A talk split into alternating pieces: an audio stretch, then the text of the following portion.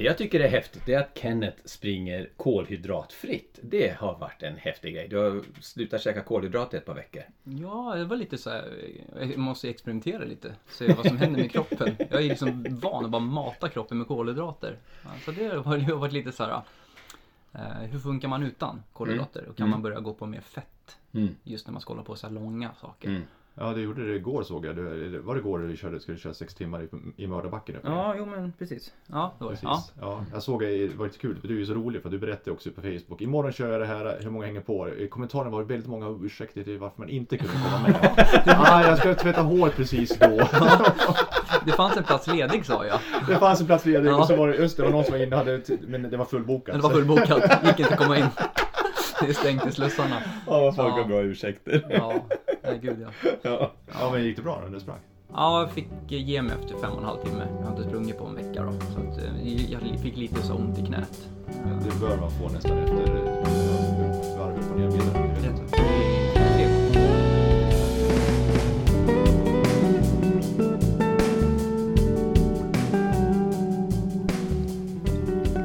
Välkomna till Sweden Runners podcast Löparens själ. Vi har hunnit till avsnitt fyra. Vi tänkte prata om lite olika teman idag. Överskriften är dock att våga bryta. Finitere på latin, att avbryta när man måste. Men vi måste också först prata om vad som får igång oss. Och med oss idag har vi Kenneth Lövman, PT, ultralöpare, multisportare, allt möjligare. Du kanske ska presentera dig själv lite Kenneth? Ehm, ja, hej. Hej! Mm, ja, Kenneth heter jag, som du precis nämnde. Ehm, och uh, fembarns eh, pappa, uh, fyllda 45 år, uh, bor här i, i Falun då. Ehm, jobbar nu som uh, platschef på ett gym uppe i Leksand. Och ja, jag älskar långt och länge ehm, och, och brinner verkligen för konditionsidrott i alla slag då, som triathlon, längdskidor och ultralöpning. Så att eh, lite vem jag är. Ultra utan def- närmare definition. Jag, jag, jag, jag vill kalla mig ultra, eh, även fast det, är en svår, en svår, ett svårt ord. att Sätta sig på, på sig själv. Mm, mm. Oftast är det folk som säger det till en att du är ultralöpare. En annan tycker jag är löpare. Jag, jag springer bara. Va, vad går gränsen för det? Vad, vad, för dig? Vad, vad tycker du? När får du kalla dig ultralöpare? Ja, ja. Alltså när jag, jag, jag skulle nog själv säga att eh, ultralöpare är jag nog när jag springer utan att eh, tänka på liksom hur länge jag ska springa. Jag springer bara för att, eh, för att jag vill springa. Eh, inte liksom distans och tid. Det tycker inte jag liksom. Utan jag, jag är mer, jag, jag lever ultralöpning Mm. mer. Jag tänker ultralöpning. Jag tänker ultra. Mm. Eh, Det är att jag ska kunna hålla på med det hela mitt liv. Det blir ultra för mig. Så att är inte liksom en viss tid eller distans. Nej. Ja, det var ett intressant perspektiv tycker jag du tar. Att det, ultran ser utifrån hela livet istället för kanske ett pass, eller? Ja, exakt. Ja. Ja. Och, och ehm, vi har ju träffat dig i löparspåret. Det är det som är så fantastiskt. Vi möter varandra. Jag hade ju aldrig träffat dig om jag inte hade haft löpningen helt enkelt. Men mitt starkaste minne initialt, eh, det var faktiskt när jag var uppe i norra Sverige på Nordensjösloppet. Och eh, där var jag och eh, supportade en vän till mig som körde. Men du körde också och jag minns, eh, jag visste vem du var, så ser jag att i starten så drar du iväg och leder loppet under några kilometer också, långt före alla andra, och det är 22 mil. ja, Och det var storm, alltså det var sånt oväder och jag tänker, vad håller han på med? Eh, vad höll du på med? Nej, jag tänkte alltså, är det någon gång som man kan ligga bakom skoten så är det väl där och då. Det var din dröm att få ligga bakom skotern. Ja, och jag höll väl den, jag höll väl den eh, nästan ja, tre mil då, så hade jag ledning. Ja, jag, jag såg ju hela tiden, man kunde inte vara ute i spåret och titta så mycket, men man såg i alla fall på det digitala att du var, låg långt före. Jag tänkte att det här, hur ska det gå? Men det var aldrig planen, liksom att försöka vinna inte. Nej, utan det var bara att ha roligt. Ja. Ehm, och det är liksom det, man vet att de kommer sen, stora pojkarna.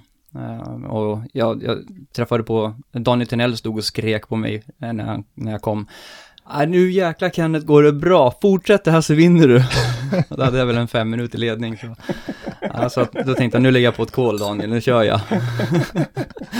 Ja, och det kan man vara otroligt motiverande om, om Tynell står där och ropar, tänker jag, men det, det måste ha fyllt det med energi. Ja, det var jättehärligt, det var jättekul. Men samtidigt så var det ju en 26 sekundmeter i bröstkorgen vissa stunder, så att det, var, det var tufft. Ja, det var galet. Ja. Eh, och som sagt, jag, jag ser ju det som en, som en löpare som gärna testar gränserna ganska rejält. Jag har ju sett flera projekt som du har misslyckats med. Vi, vi har en som heter Vildmarksleden här eh, utanför Falun som är hur långt är det? 3,2 mil? ja, 35 blir den. 35 är den som Ja. är precis rundan och den har du försökt ta tre gånger, tre varv på ett streck. Ja, Eh, du har aldrig lyckats ännu, men du försöker om och om. Det är som ett spöke för dig, men du ger inte upp. nej jag drömmer ju om det. Jag har gjort det i drömmen. Jag får gåshud nu på ryggen och armarna när jag pratar om det. Den, den, ja, den är hemsk, men jätterolig. Den kommer. Ja. Då är vi inne på det här liksom, vad är det som får dig att springa? Varför, alltså kroppen, alla, det, jag tycker det är ett intressant fenomen att kroppen är ju gjord för att vi ska spara energi om vi inte absolut måste röra på oss. Så vi har en inbyggd tröskel för att komma igång och springa. Vi vill eh, konservera så mycket energi vi kan, varje steg måste vi övervinna. Det finns någonting som sätter igång oss ändå, som får komma oss över den här tröskeln. Vad är det som gör dig till ultra eller till springare? Så, ja, den där tröskeln, jag saknar den. du saknar tröskeln? Ja, Du kan få min. ja har du en tröskel? Ja, ja. Nej, jag, nej jag, har, jag har ingen sån tröskel som, jag, jag, det spelar ingen roll hur det ser ut ute, utan jag tar mig ut. Ja, Eh, har, finns det tid så kommer jag ut. ja. Haglar, regnar, spelar ingen roll. Det, är- Jag kommer alltid ut. Eh, om, det, om, om jag får det, Mm. så kommer jag ut. Du tycker inte att det tar emot någon gång? Nej, det gör det inte. Okej. Nej. Jag har inte den, jag tycker om det så pass mycket så att jag, det är Mm. liksom, nej. Vad är det då som gör att du springer alltså? Vad är det som gör att du, när du väl kommer igång, alltså du sa att du tycker om det, vad är det något som löpningen? Det jag tänker på när jag tänker på dig, det är att du springer ju för glädje, mycket, mycket glädje. Du skrattar ju hur mycket som helst när du är ute i spåret. Ja, till och med när jag är själv. Till och med när du är själv. Ja, men det säger vi inte högt. jo då, nej alltså jag, jag tycker jag, jag, jag blir så, jag mår så bra när jag har varit ute och sprungit. Ja. Min kropp mår så otroligt bra och min skalle mår väldigt, väldigt bra. Jag får rensa liksom och komma tillbaka till, jag, när jag kommer hem, så, då är liksom, då är jag klar liksom. Ja. Den dagen har jag liksom processat i skallen och idéerna sprudlar och jag kommer hem och är en bra pappa till barnen och en bra man till min fru och Ja. ja, det, jag, jag mår så otroligt bra när jag har sprungit. Men det måste du ha en stor nytta av som PT också, tänker jag. Det måste vara många som kommer och vill ha quick fixes och du har hållit på hur länge som helst och du har säkert gjort alla misstag som går att göra dessutom eh, i olika former, tennisformer antar jag. Det, det är väl nästan en förutsättning som PT att kunna ha den erfarenheten. Ja, det har hjälpt jättemycket faktiskt. Det, jag har ju haft, jag har haft många som har kommit till mig, för eftersom jag har hållit på med så mycket olika sporter, då är det många som kommer liksom och vill ha grenspecifik eh, hjälp. Och det har, då har det liksom hjälpt till jättemycket med alla, alla de fällorna jag har sprungit in i. Det har ju hänt mycket saker eh, längs vägen på både längdskidor, triathlon och, och löpning. Så att eh, det är många som har fått hjälp av mig på den, på den biten. Men det är ju liksom svårt att lära sig själv också. Man springer ju dit igen på de här små misstagen som man lär ut dagligen till andra. Varför gör vi det tror du? Gud, nu vart det helt... Nu vart, nu vart jag tagen på sängen här. Varför? Ja, jag... Jag tror, jag tror så, så mycket på, på liksom... På att jag kan och klarar av allting. Så går det i alla fall inte när jag försöker. Och så då är det så här, vad har jag gjort fel nu? Vad har jag gjort fel den här gången? Ja, men jag kanske inte har gjort yin-yogan som jag skulle vilja göra. Som är så fantastiskt bra för oss löpare. Eh, För mig som inte kör någon ja, yoga eller något annat, jag, jag bara springer, jag är totalt värdelös på allt annat. Eh, vad är en yin-yoga? ja, precis. En yin-yoga, det är en avslappnande yoga, väldigt lugn yoga. När man sitter i positioner i längre stunder, uppåt fem minuter i positioner. Eh, För att öppna upp höfter och eh, nedre delen av ryggen och ljumskar och ja, det är en väldigt, väldigt bra yogaform. eh, För, för oss löpare och längdskidåkare och alla skulle jag nog säga. Så det är den jag tycker om mest. Men det är den jag skulle behöva göra mer också för att jag ska kunna springa längre och springa mer. Det är det som begränsar mig lite grann. Yogan hjälper dig att springa mer och längre. Ja, för jag öppnar upp min höft bra. Jag har lite problem med baksida lår och insida lår. Det blir lite, jag är lite snedbelastad, som många är. Eh, Så det drar lite på en sida. Och stretchar mycket så släpper det, så går det bra, så kan jag springa. Glömmer jag bort det så går det inte lika bra.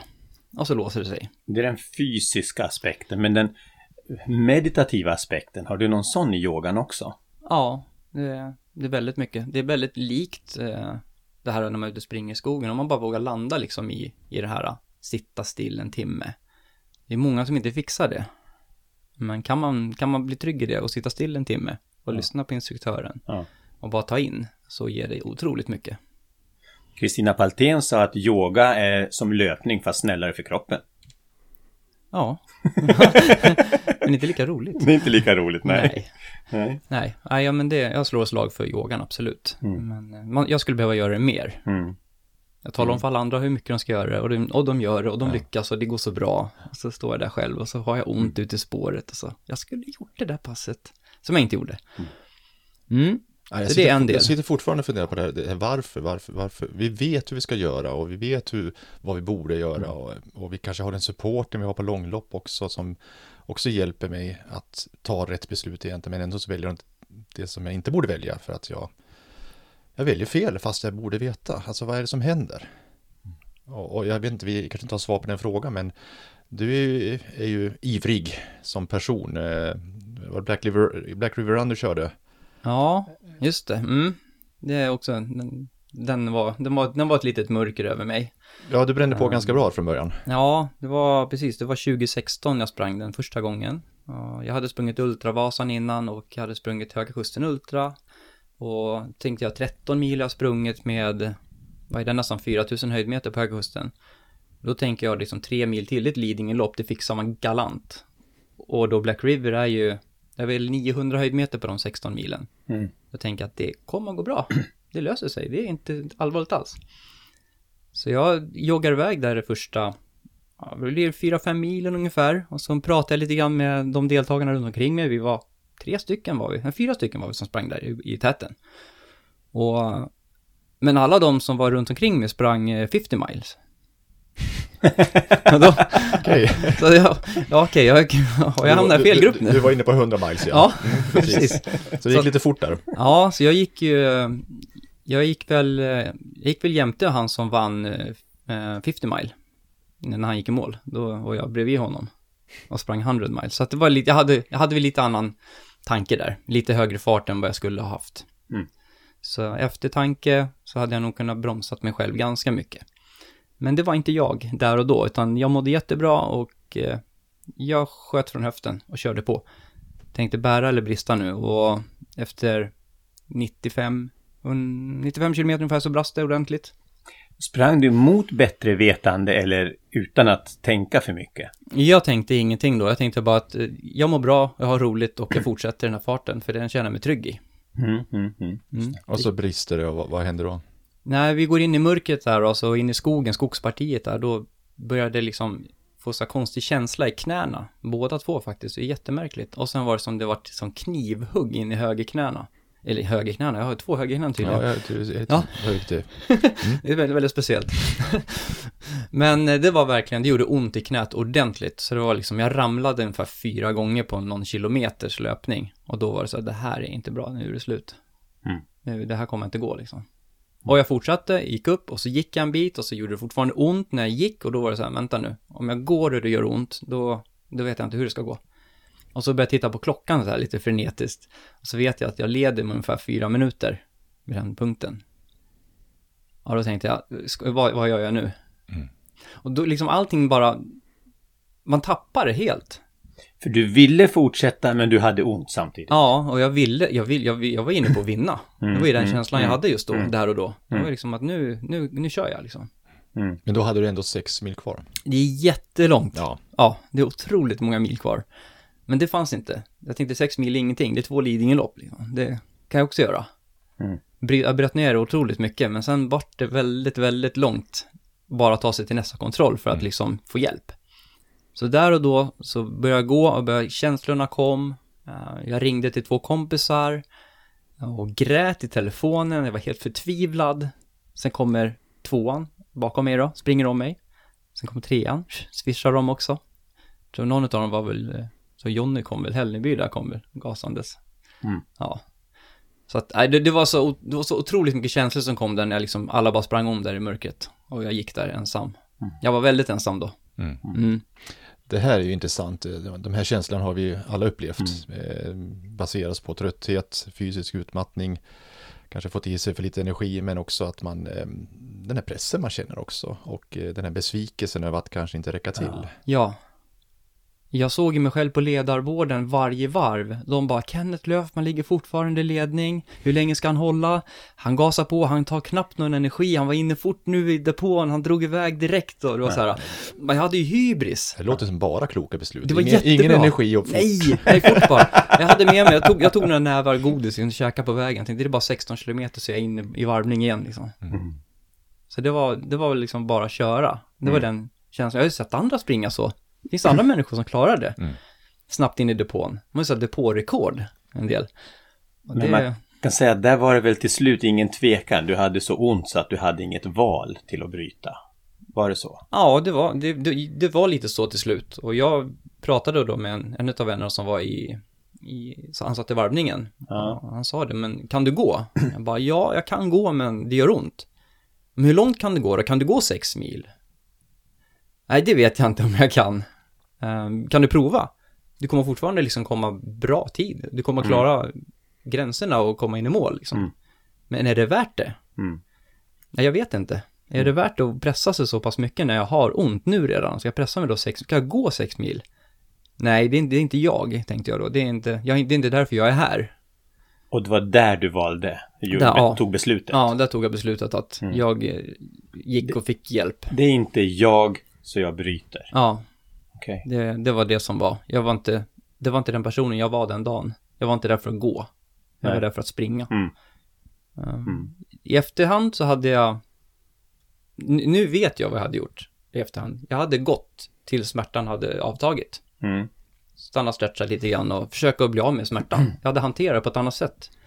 Men det, var- då, det fanns Nej. inte i kartan. Men det här tycker jag är det svåra, alltså just den här, vi pratade om det, vi pratade om smärta tidigare också, just som att, att eh, veta vad man ska göra i det tillfället när man känner att ja, men det är bara skriker smärta.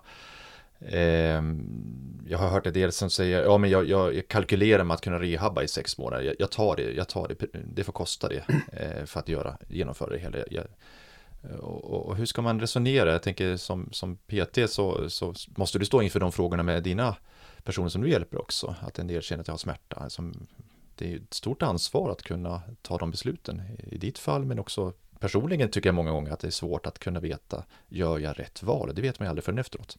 Nej, precis, visst är det så.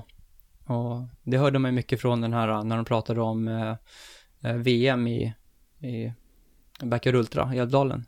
Någon som pressade sig ganska hårt där varv efter varv efter varv efter varv. Och det är liksom bara någon som talar om för en vad man ska göra. Du är här för att springa, du har en support som talar om det. Så här, så här ska du göra, fortsätt.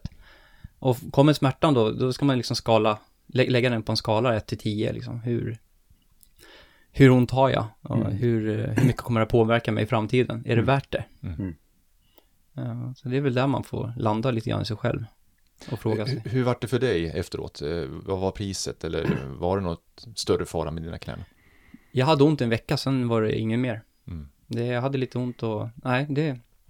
Så jag hade nog kunnat fortsatt. Och då kom alla om en. Och skojar du? Ja. Åh gud. Oj, oj, oj. Mm. Nej, vi pratar inte om det. nej, så att eh, jag anmälde mig till året efter igen. Och eh, ville göra ett nytt försök på den. Och då kommer man till nästa punkt. Då hade jag ett helt annat mindset till just själva loppet.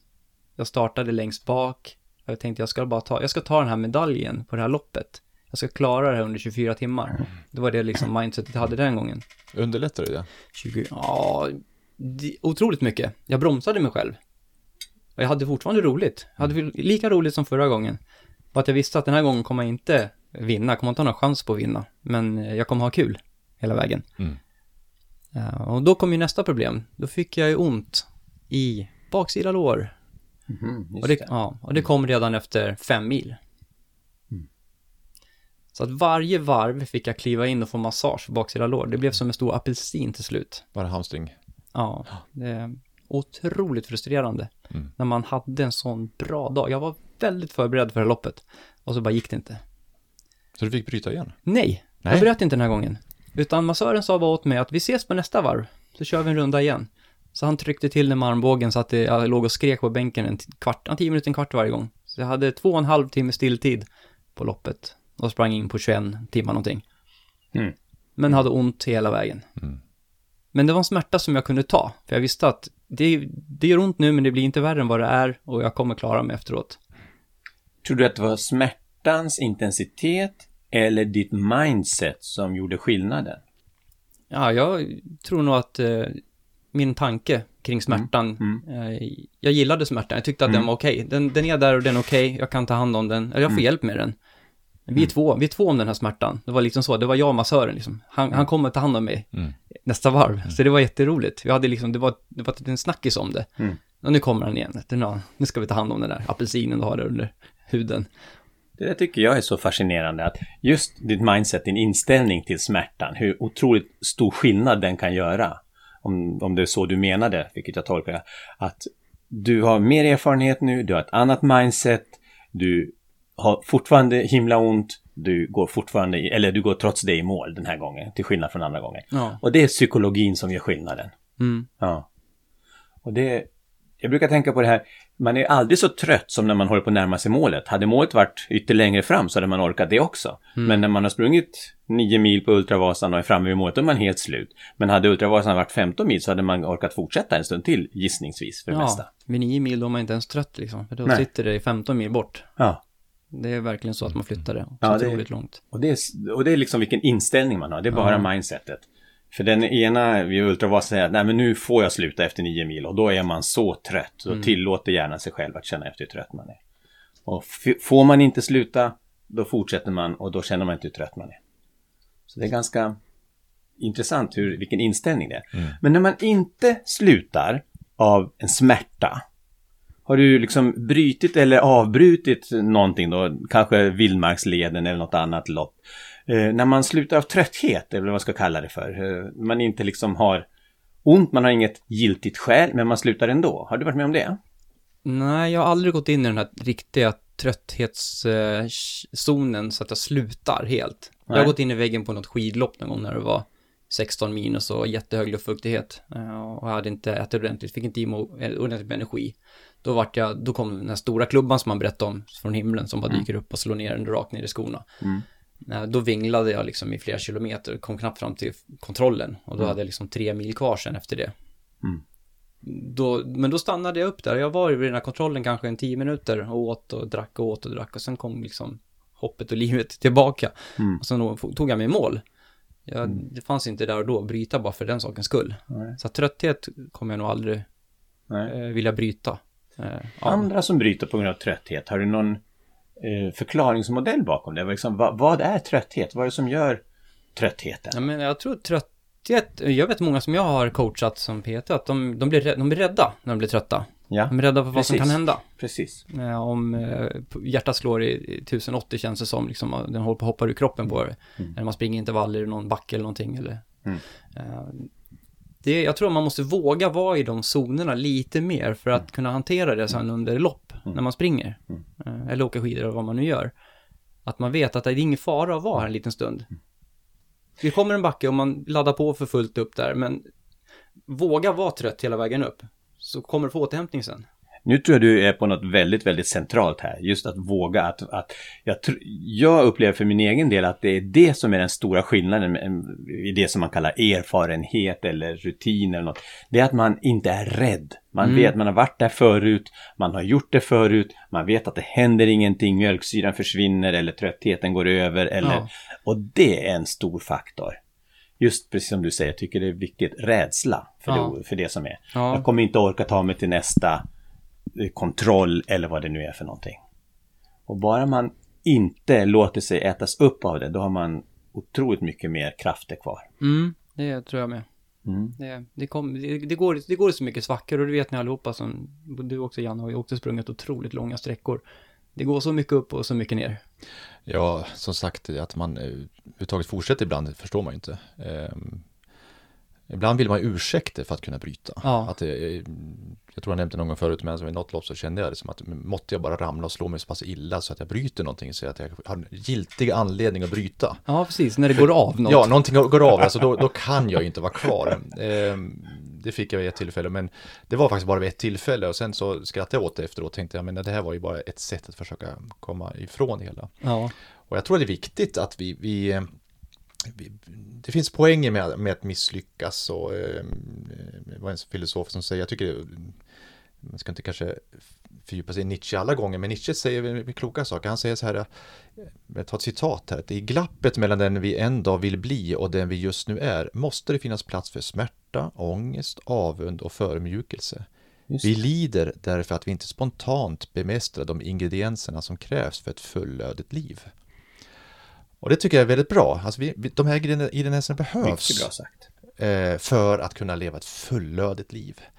Och nu, nu pratar vi, vi inledde med att prata om ultralöpning som ett, ett, livsprojekt i ditt fall. Ditt liv är en ultralöpning eller, eller ett ultraprojekt kanske. Ja. Och, och i detta finns alltid de här bitarna, eh, såväl avund och ångest också för den delen. Eh, men det är än en gång en pusselbit i våra liv. Mm. Och när vi börjar bemästra dem, han kan te- hantera de här tuffa tiderna, perioderna i till exempel både i livet men också, nu pratar vi ultralöpning.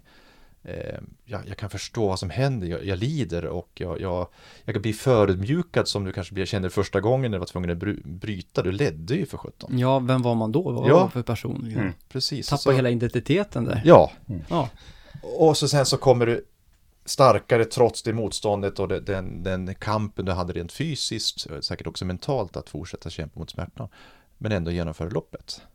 Eh, då, då har vi börjat närma oss det här. Mm. ja. Det, det, det är dit jag vill komma. Ja, Kunna, kunna våga genomföra lopp utan att ha prestationsångest och känsla att jag måste vara med i matchen och måste vara i toppen och det där tror jag är väldigt många som känner. Ja. Att man har prestationsångest, att Ja. man vill verkligen och, och som gör att man redan inför starten har ganska dåliga förutsättningar för att klara av det för att man har sån just ångest för att måste prestera. ja, precis. Tror jag med. Mm. Det, det, Och då kommer Nietzsche ganska bra in här. Man måste tåla citationstecken, förödmjukelsen, slutcitationstecken ja. av att inte vara bäst eller vinna eller prestera sitt bästa, eh, allra bästa eller så. Mm. Spännande. Det är intressant. Du då Janne, vad är det som gör att du bryter när du, jag vet inte om du har brutit, men jo, jag har, jag har brutit. Eh, det har jag gjort. Jag är så dum. Jag, jag, jag skulle springa Ultravasan, men så samma dag var det någon som skulle gifta sig och jag skulle upp i det bröllopet. Och jag tänkte, ja men springa tillräckligt snabbt. så hinner jag till bröllopet. Men det innebär att jag skulle behöva springa på en tid på sju timmar ungefär och det är rätt så snabbt på, Det de, är här nio, jättefort. på de här nio milen. Ja. Så jag sprang på, det var det året det regnade så sjukt mycket också. Det var ju som att stå i en dusch. Åh herre, ja. Jag vet inte, så att efter, då efter hälften då, eh, fyra och en halv bil så då gick jag av och jag hade en bil som väntade på mig och sa att jag hinner inte till bröllopet. så. Men det kändes som en giltig ursäkt, det var Det var ganska en skönt ursäkt. för att jag hade fått stränga order att jag, var, jag måste vara med på, på själva vigselakten och så att. Eh, men jag har eh, också brutit andra eh, lopp, eh, nu kommer jag inte på det just nu, eh, på raka arm här, men det vet jag att jag har gjort. Men det behöver inte vara något lopp, utan det räcker med att du är ute och springer tre mil och känner att nu vill jag hem, nu är jag less. Definitivt. Eh, Jag försökte mig på här att springa en del av Dalkarsvägen. Eh, Jag stack iväg här en morgon och skulle springa till, till eh, Stockholm. En Ja. sträcka på 25 mil. Och efter 8 mil kände jag mig att det här, det här går inte. Nej. Och, men det var på något vis lite, jag berättade för, för, för så få som möjligt. För då kände jag väl kanske att förödmjukelsen skulle bli mindre. Ja, jo, precis. Det brukar vara det.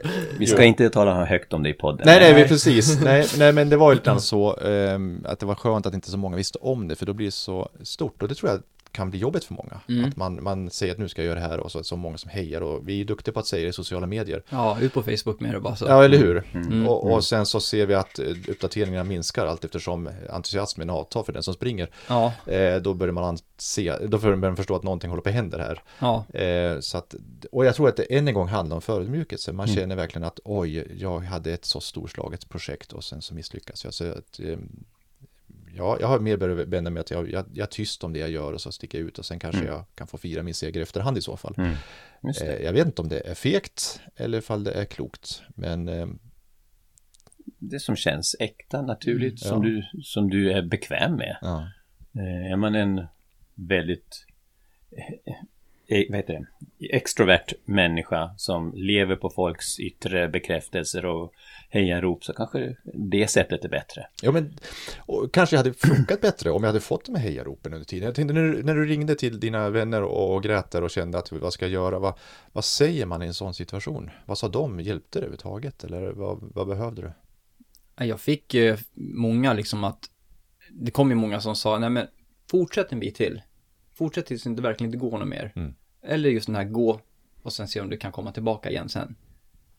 Eh, Men sen var det också liksom, nej men hur känns det för dig? Och då, då blir det bolla tillbaka till mig. Jag behövde inte höra det, Nej. utan jag behövde bara ha någon som talar om för mig exakt vad jag ska göra i den här Mm, situationen. mm. Jag klarar inte av mina egna tankar just då. Nej. Det är väl det som är fördelen med en bra extern support om man Mm. nu har tillgång till en sån. Ja, så Ja. det tror jag att, absolut att man ska ha.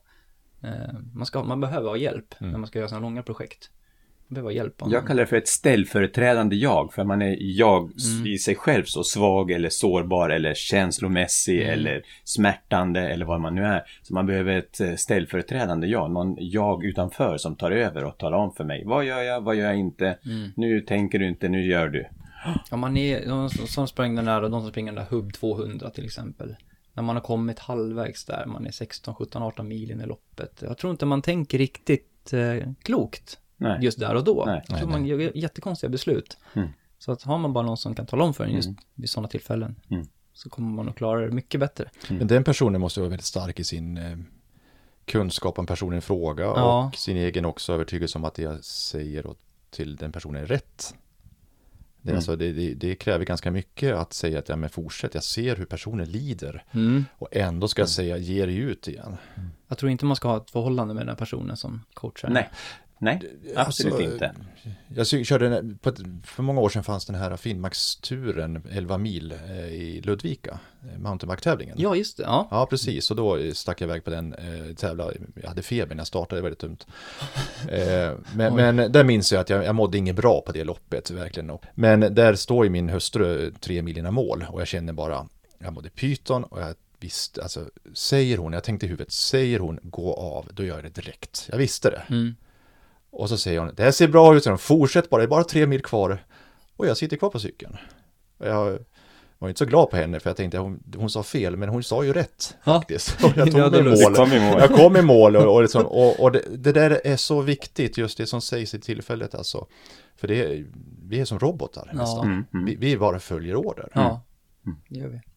Absolut. Mm. Det är därför det behövs någon som är yttre, lite mera saklig. Och men jag tycker det ska vara en personkännedom, precis som Mm. du säger. Och jag tycker också det ska vara någon som man inte är alltför känslomässigt bunden till. För man blir ju arg och man blir ju sårad och man får en massa känslor.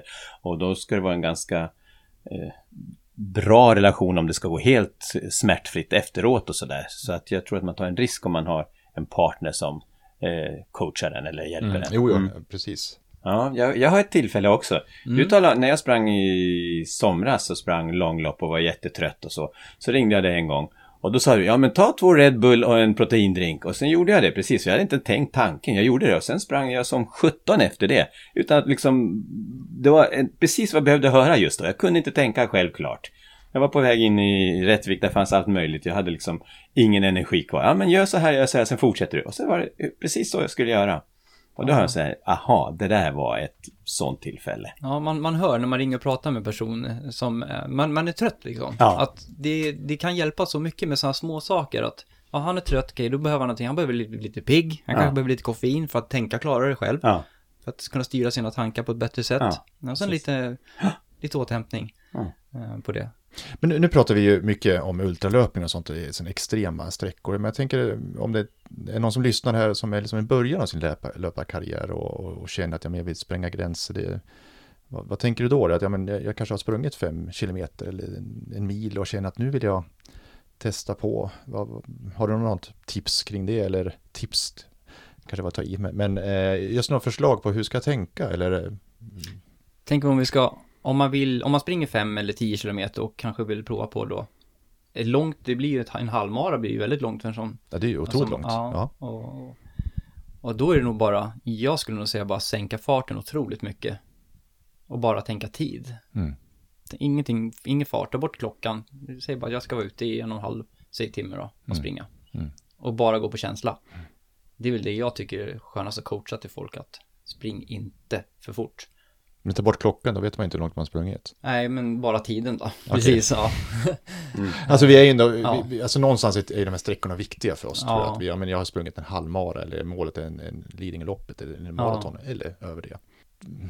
Vilka klarar det då? Är det de här supermänniskorna eller? Som klarar sig med de här långa loppen. Nej, jag jag menar bara att kunna ta sig från en till två, till en halvmara, 2,5 mil. Ja, men jag tar tillbaka till mig själv som började springa 2007. Då sprang jag, första gången sprang jag eh, tj- Tjurhuset faktiskt. Det var min morbror som sa att, eh, att, det, att det går att springa. Han sprang det många gånger. Och det tänkte jag, det, det är en mil. Hur svårt kan det vara? Han klarar av det, så att, det tycker jag att den borde jag också klara av. Och då sprang jag 6 kilometer elljusspår. Och det var liksom vidrigt. Det gjorde så ont. Jag kunde inte andas efteråt. Mm. Och inte under loppet heller, eller när jag sprang de här 6 kilometerna. Men varje pass som jag sprang inför det här och sen kanske två, ja, jag säger två år in i löpkarriären, så jag, jag laddade på varenda pass. Jag sprang fort varje gång. Mm. Det var det, jag hade 6 km, 8 km, 10 km, och då sprang jag liksom fort varje gång. Och du kom igen, du tröttnar inte ur. Nej, på något sätt så klarar jag mig från det. Ehm, men jag tror det är absolut helt fel sätt att springa på. Mm. Precis. Det där har Det knäckt är- många unga Ja, så att eh, där ska man tänka om. Jag springer fort, alltså nu springer jag fort kanske två gånger i månaden. Mm. Som jag springer fort. Mm. Och sen bakar jag in lite grann i, i skogslöpningen, kanske öka farten lite grann när det går lite lättare. Sen tar jag lugnt upp för och försöker eh, hitta en känsla istället. Mm.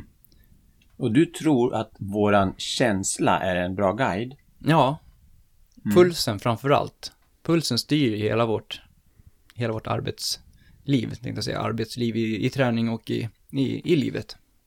Det så att jag, jag, man ska lyssna på pulsen. Det är Mm. liksom, det är våra motor. Vaknar man på morgonen och har lite för hög vilopuls, så då är det ingen bra dag att springa fort. Mm. Så tycker jag Mm. är. Men det är en bra dag att springa. Väldigt bra dag att springa, men inte lika fort då. Nej. Men alla dagar är bra dagar att springa. Mm. Men det här tycker jag också är spännande att fundera på. All, all den här data vi får idag, vi får från klockan både puls och vi får blodvärde och eller vad det är för någonting. Ja.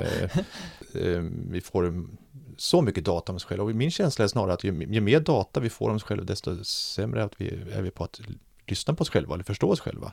Utan Mm. vi kanske bara tittar på datan. Ja, vi tittar bara på, på, på klockan. Ja, Och jag vet många upplever samma känsla som har man en pulsklocka med eh, bara pulsen på hand- handleden eh, så kan den vara lite missvisande. Den kan visa lite fel hit och dit. Den registrerar inte lika snabbt som ett pulsband runt bröstkorgen. Och det vet jag många som säger att nej, nu har jag alldeles för hög puls. Och det händer ingenting när jag springer intervaller och Nej, så det, jag tycker man ska lyssna mer på kroppen. ja men, Vad säger ja, men kroppen? vi och två max har ju sjunkit för mig nu här under sista tiden. Ska jag vara bekymrad? Nej, inte alls. det är så, ska man börja tävla i de, i, på de klasserna, då ska man ju liksom, då ska man börja tävla liksom åldersklassat. Mm. Man ska inte tävla mot juniorerna då. Det, är- det är ingen idé. Nej. Det går inte. Vi blir äldre, vi måste, vi måste acceptera det. Mm. Att vi blir äldre och, men jag tror att vi, vi är maskiner, vi kan springa, vi kan springa långt, eh, högt upp i åldrarna. Mm. Och det syns också på de som är ute och springer. Mm. Det är liksom, det finns inga gränser. Egentligen. I en eh, dokumentär som kommer här den 20 december tror jag så släpps ju en dokumentär om VMet eh, som nu var i Backyard Ultra. Och då hörde jag bara i trailern här att Anna Karlsson nämnde någonting att ja, men det, det, det finns flera personer som säkert skulle kunna springa tre, tre dygn, eh, alltså uppåt en hundra varv så att säga. Men mentalt sett, hur många fixar det? Mm. Nej, det är verkligen det mentala tror jag, som spelar in. Där du pratar om maskiner här som Ja. sagt. Men då tänker jag, okej nu, nu är vi sjuka längder vi pratar om när vi pratar om 100 varv, alltså vi är ju uppe i 60 mil då dryga. Ja, Men, men eh, när jag en, åter tillbaka, tillbaka som, som, som i början, eller känner att de vill ta nästa steg, som sagt, det, det, det är väl främst det mental, mentala det handlar om, eller vad tänker du? ja det, det tycker jag att det... Man, man får inte titta på de, de här länge. Om man tittar, om man vill, om man vill springa ett halvt maraton som är långt, så då ska man inte titta på de som springer nio mil. Utan man ska fokusera liksom på där man är, Mm. just vid tillfället. Och njuta av det. Mm. Eh, Så att man inte blir stressad över att alla andra springer så otroligt långt. Men du måste Vilket tänka inte är sant. Alltså det, det, det, det, är- en otroligt liten klick som springer väldigt långt. Om Ja, man säger. Jag vet ja. inte procentuellt sett i svenska befolkningen så är det ju jättefå. Exakt. Däremot Och- finns det väldigt många löpare som springer uppåt en, eh, uppåt en maraton kanske. Ja. Mm. Och det är, jag tycker ju liksom att 16 mil är jättelångt. Jag tycker fortfarande att 4 mil också är jättelångt. 5 kilometer är horribelt att springa. Då springer man så fort så det gör ont istället. Mm. Så att allting har ju sina, sina Mm. nivåer. Mm. Mm. Så att, eh, Och därför kan vi inte egentligen jämföra oss med någon annan Nej. än oss själva. Nej. Alltså, och, och, för att som sagt, fem kilometer gör ont för vem som helst som försöker kärjärnet. ja. Eh, Men det, det gör mindre ont för en, de här sj- sjukt snabba som springer ett maraton på under två timmar. ja, det gör jätteont. Eh, Det är Ja. ont för dem under, inte fem kilometer klarar de, men alltså det går inte att jämföra, vi kan ju Nej. inte jämföra med någon och du kan inte jämföra med, men, och det tror jag det är en viktig passning jag vill ge till de som lyssnar att, att eh, du ska vara där du, där du står och, och sen Mm. så fortsätter du din, din resa. Koppla tillbaks till Nietzsche, släpp avunden, släpp eh, viljan liksom, koppla till dig själv, precis. Ja. Precis, och släpp de sociala medierna åtminstone. Ja. eh, se bakom. Jag tycker det är lite kul. Jag har sett i flera flöden nu att det är fler som börjar berätta om sina problem också. Och det tycker jag är upplyftande. Mm. Det, att vi vågar faktiskt säga att ja, men det, nu, nu händer det här eller att nu har jag, jag har jobbigt rent både mentalt och kanske fysiskt också. Ja. Jag efterfrågar mer sånt där för att Ja. det, in, det visar på att vi är människor och att eh, det var som du sa någon gång på något vis ut som att 100% av oss eh, mår bra och springer fast 90% av oss lider eller har ont. Mm. Jag tror du nämnde något Ja. annat poddtillfälle här också. Det här är viktigt att vi också berättar att vi har dåliga dagar. Vi, vi, vi misslyckas ganska ofta med projekt och misslyckandet ser inte jag som ett misslyckande. Jag ser det som en, som en resa och det, det gjorde du verkligen här. Du misslyckades inte när du stack iväg Nordenskiöldsloppet utan du, du genomförde det. Eh, men det var ju, inte- att du inte vann var ju aldrig planen. Nej. Det var bara att ligga vid motors, eh, snöskotern ett tag. Ja, det blev en bra film till barnen. Den går på repeat hemma. Ja, det, det är så, precis. Men Ja. så man ska se på det Ja. istället. Eh, finns det något tillfälle när det skulle kunna vara negativt egentligen? Att bryta. Ja, Egentligen så tror jag väl inte att det finns så mycket negativt med att bryta annat än att självförtroendet, självbilden, eh, andra saker får sig en törn. Mm. Men eh, bryta behöver vi nog alla göra. Frågan är bara när. Vi bryter ju när vi kommer i mål för att vi har sagt att vi ska springa en viss sträcka. Men då bryter vi. Ibland så bryter vi innan vi har kommit fram till vårt mål. Men so what? Vad skulle det spela för roll? Jag kan inte säga att det finns något negativt med det. Annat än som sagt våran, våran målsättning, vårt ego. Mm. Mm. men det här är ju, som PT tänker jag, jobbar du mentalt också? Att jag tränar dem med mental träning? Eh, Ja, lite grann. Jag försöker liksom coacha dem i det, jag, hur, jag, hur jag tänker. De undrar alltid, men hur tänker du när du ska hålla på så här? Hur, hur liksom funkar du i skallen? Jag skulle vilja se in i din skalle hur du tänker. Liksom. Och det är ju det är som jag är som person. Det är svårt att sätta någon annan in i den. Mm. Jag, ja. Precis.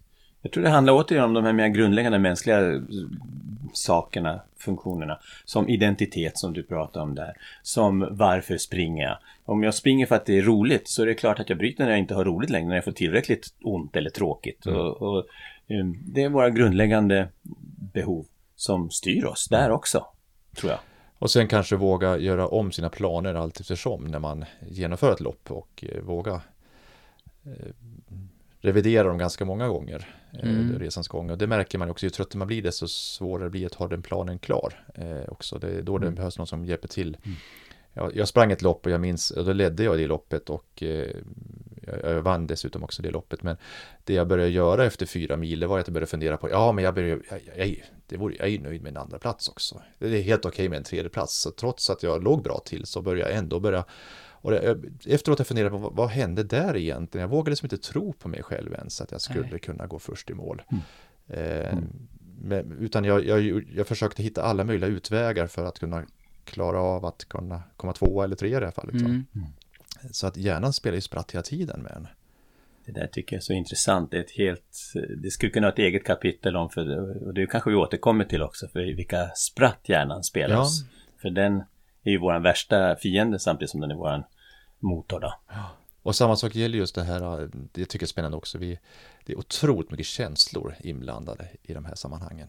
Mm. Det, gråten, eh, vill man se män gråta Mm. så ska man gå på sådana här tävlingar. Mm. så, där, där det verkligen handlar om utmattning och det tror jag är väldigt bra att vi vågar göra det för jag tror att det, det är så befriande. Mm. Jag har faktiskt en liten snabb berättelse om just den här, eh, när, vi, när jag sprang Vansbro maraton första gången. Och gick, eh, gick in väldigt tufft på den tävlingen. Och sprang fort i början och jag tänkte jag trycker på första fem kilometrarna, ser vad som händer. Och så då släppte de andra. Och då körde jag bara på i min fart och sprang fort och jag hade sån här dagen D verkligen. Och jag leder ganska stort säger de. Jag, sa den, den var 44 kilometer den och 8, tror 800 höjdmeter, så den är ganska tuff den, kuperad eh, maraton. Och sen har jag kommit ungefär då, vad kan jag ha varit, 3,5 mil in i loppet, ja 3 mil in i loppet då. Ja, precis, jag hade ungefär 13 kilometer kvar. Då blir det så här att, då säger de att jag, jag leder stort. Men efter bara 3 kilometer, då hör jag folk kommer bakom mig och springa. Då blev jag orolig på riktigt. Mm. Vad är det som händer? Jag har ju liksom, jag har ju det här, jag har ju greppet om det här. Så kommer det två personer bakom mig och kommer i ganska hög fart. Och då blir det så här, vänta nu. Jag är tvåa, jag kommer trea, trea, ja men trea, trea är väl också ganska okej. då, då, jag, jag, jag tappade, jag höll på att tappa det helt där. Ja. Jag gick totalt in i väggen, för jag sprang så fort. Ja. Så jag liksom, jag, det gjorde ont i hela kroppen. Ja. Där och då tänkte jag, jag kommer, jag kommer få bryta här nu, jag kommer liksom inte komma i mål. De känslorna kom, allting på samma gång, så jag fick stanna där vid ett träd när de kom. Tänkte jag får liksom lägga mig bakom dem, alltså, för jag var tvungen att stanna och stretcha och, och bara ta lite lugnt. Jag Hämta andan. Och så, grymt bra jobbat skrek jag till grabbarna. Ja men du då, du ligger ju först. Ja vadå först? Ja vi springer ju halvmaran, säger de. Ja. så jag hade ju eldat där för fullt. Ja, det hade kunnat... Jag höll på att springa, springa ihjäl mig där. Jag gasade ju när de kom. Usch, Ja, Det var hemskt. Känslor Och här blir man ju nyfiken på hur det gick men det, det, det kommer vi nästa gång. Som det kommer en annan gång Ja. precis. Ja men eh, otroligt roligt att få lite input och få ett sånt här samtal, trepartssamtal på det här viset är väldigt roligt också och få dela erfarenheter och eh, Jättekul. det har, hoppas att eh, ni som har lyssnat också har känt att ni har fått lite energi för att eh, jag uppmanar verkligen alla att ja, men, pressa gränsen, ta er lite längre eh, och vi är mycket maskiner. Sen är det mentala som sätter spets. Sen kan det göra lite ont efteråt men det är ju det är en del av att leva, vara levande ska jag påstå. Mm. Våga ta den smärtan som kommer. Mm. Den är inte så farlig. Den är inte så farlig. Nej. Nej. Stort tack! Tack så mycket. Tack för att vi kom hit. Tack Kenneth för att du kom. Vi får Tack. nog kanske bjuda hit dig fler gånger. Det finns mycket att prata om. Så trevligt att vara här. Det var allt för idag. Ha det bra där ute. Löp väl och löp glatt. Tack så mycket.